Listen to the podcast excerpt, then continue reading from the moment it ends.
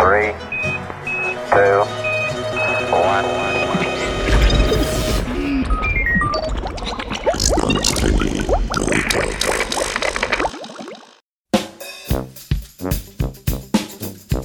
Urbano valjenje jajc. Vse več človeške populacije se preseljuje v urbana okolja, kjer si prostor delimo tudi s številnimi živalskimi vrstami.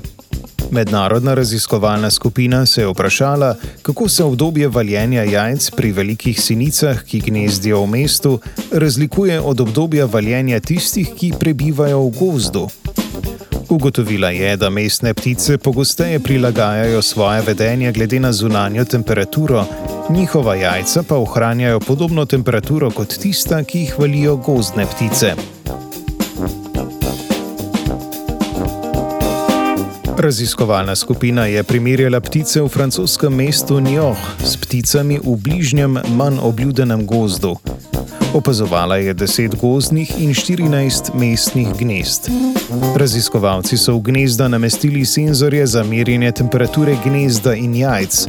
Senzor za temperaturo jajc so skrili v umetno 3D natisnjeno jajce s termistorjem.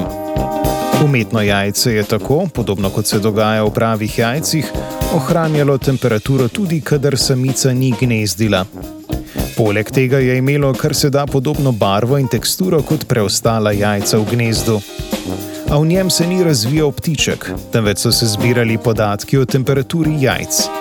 Iz podatkov o temperaturi so raziskovalci izpeljali tudi podatke o vedenju samice, ali je bila prisotna v gnezdu ali ne. Ob opazovanju posnetkov so lahko ugotovili, da če se je temperatura gnezda znižala za 1,5 stopinje Celzija ali več in je to stanje trajalo vsaj 4 minute, samica ni bila prisotna v gnezdu. Senzori so torej spremljali temperaturo jajc in gnezda ter odsotnost oziroma prisotnost samice, ki je valila jajca.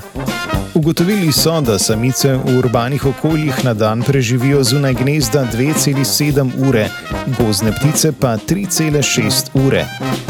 Ob tem zadnje iskanje hrane vsak dan opravijo pozneje kot gozdne ptice.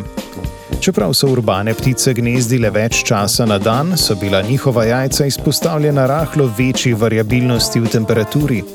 Raziskovalna skupina ni opazila sprememb v uspešnosti izvalitve potomcev med urbanimi in gozdnimi gnezdi.